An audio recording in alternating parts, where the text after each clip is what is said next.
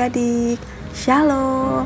Udah lama juga ya Kak Susi gak ngebawain Renungan Harian Audio. Cerdas Berpikir. Kakak senang banget hari ini bisa kembali menyapa adik-adik lagi. Tentunya dalam edisi kisah-kisah dan tokoh-tokoh dalam Alkitab. Semoga kita bisa sama-sama belajar demi kehidupan yang lebih baik ya. Adik-adik, sebelum lanjut ke pembahasan mengenai kitab keluaran, kakak mau nge-review kitab kejadian yang selama ini udah kita dengar pembahasannya. Melalui review ini, semoga kita bisa mendapat pelajaran berharga tentang rencana dan kebaikan Allah yang luar biasa. Kita mulai ya. Kitab kejadian ditulis kira-kira antara tahun 1440 sampai 1400 sebelum masehi. Menurut pandangan tradisi, kitab ini ditulis oleh Musa Kitab ini awalnya ditujukan bagi orang Israel yang sedang dalam perjalanan dari tanah Mesir ke tanah Kanaan. Yang perlu kita perhatikan nih, waktu kitab ini ditulis, orang Israel belum lama bebas dari perbudakan di tanah Mesir selama 430 tahun. Itu lama banget ya. Akibatnya, bangsa Israel mengalami banyak ketertinggalan. Mulai dari pola pikir, pengenalan akan Allahnya Abraham, Ishak dan Yakub yang adalah bapa leluhur mereka dan masih banyak lagi. Nah, kitab ini ditulis untuk mengajarkan bangsa Israel waktu itu tentang permulaan kehidupan, permulaan sejarah manusia yang tertulis dalam Kejadian 1 sampai 11 dan permulaan bangsa Israel dalam Kejadian 12 sampai 50 yang kemudian akan lahir juru selamat umat manusia dari bangsa ini. Dialah Yesus Kristus. Kitab ini juga mencatat tentang dosa pertama yang dilakukan manusia. Kalian tentu masih ingat kan? Kemudian kitab ini juga mencatat soal dosa manusia yang semakin meningkat. Awalnya dosa karena melanggar firman Tuhan di Taman Eden. Kemudian dosa kebencian berujung pada tindakan pembunuhan kemudian muncul banyak dosa yang lain. Nah, karena Allah begitu mengasihi manusia, dia nggak mau manusia terpuruk dalam keadaan seperti itu.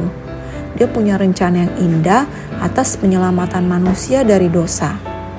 Allah berencana untuk menjelma menjadi manusia keturunan Abraham. Dialah Yesus Kristus.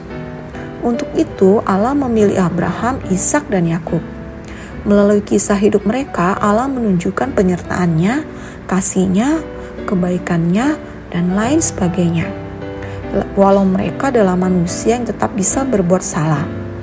Makanya, gak semua kisah tentang Abraham, Ishak, dan Yakub bisa kita jadikan teladan. Misalnya, memiliki istri lebih dari satu, menipu orang, sembarangan mengutarakan sesuatu kepada orang lain, dan yang lain sebagainya. Loh, bukannya seluruh isi Alkitab adalah kebenaran ya kak? Kok bisa ada bagian atau kisah yang gak boleh kita tiru sih kak? Ya memang bisa. Hmm, gini ya. Yang jadi nilai kebenaran dalam Alkitab adalah pelajaran kehidupan supaya kita menjadi manusia yang lebih baik di hadapan Tuhan. Sama satu lagi nih, Inti dari keseluruhan isi Alkitab adalah Yesus Kristus. Kehidupannya dan pengajarannya yang kemudian diteruskan oleh para rasul dan penulis Alkitab Perjanjian Baru. Sampai di sini kalian udah paham dong ya. Nah, sebagai pelajaran dalam kehidupan kita, apa sih yang bisa kita ambil dari penjelasan tadi? Yang pertama, Allah itu baik banget dia nggak ngebiarin manusia terpuruk dalam dosa. Dia ingin manusia diselamatkan melalui Yesus Kristus yang adalah keturunan Abraham. Dan kita beruntung diperkenalkan tentang Tuhan Yesus melalui pembacaan Alkitab, sekolah minggu, renungan harian audio ini, dan sumber yang lain sebagainya. Yang kedua, Alkitab adalah manual book untuk menuntun kita menjadi berkenan kepada Allah. Di dalamnya, Bahkan kita bisa belajar dari kesalahan beberapa orang supaya nggak kita lakukan. Kayaknya segitu aja ya review kita tentang kitab kejadian yang bisa kakak sampaikan hari ini. Nah, sebagai penutup, Kakak mau bacakan 2 Timotius 3 ayat 16 sampai 17 yang bunyinya begini. Segala tulisan yang diilhamkan Allah memang bermanfaat untuk mengajar, untuk menyatakan kesalahan, untuk memperbaiki kelakuan, dan untuk mendidik orang dalam kebenaran. Dengan demikian, tiap-tiap manusia kepunyaan Allah diperlengkapi untuk setiap perbuatan baik. So, yuk kita bersyukur punya Alkitab dan jangan lupa dipelajari serta dilakukan. Oke? Yuk kita berdoa. Terima kasih Tuhan karena Engkau begitu mengasihi kami yang berdosa ini. Engkau rela datang ke dunia, menjelma menjadi manusia, bahkan mati di atas kayu salib hanya untuk menyelamatkan kami orang yang penuh dengan dosa. Ajari kami untuk menghargai pengorbananmu dengan cara mengenalmu lebih dalam dan melakukan kehendakmu. Dengan membaca, merenungkan, dan melakukan isi firmanmu dalam Alkitab yang adalah tuntunan bagi hidup kami. Materaikanlah firman yang kami dengar dalam hati kami agar kami mampu melakukannya.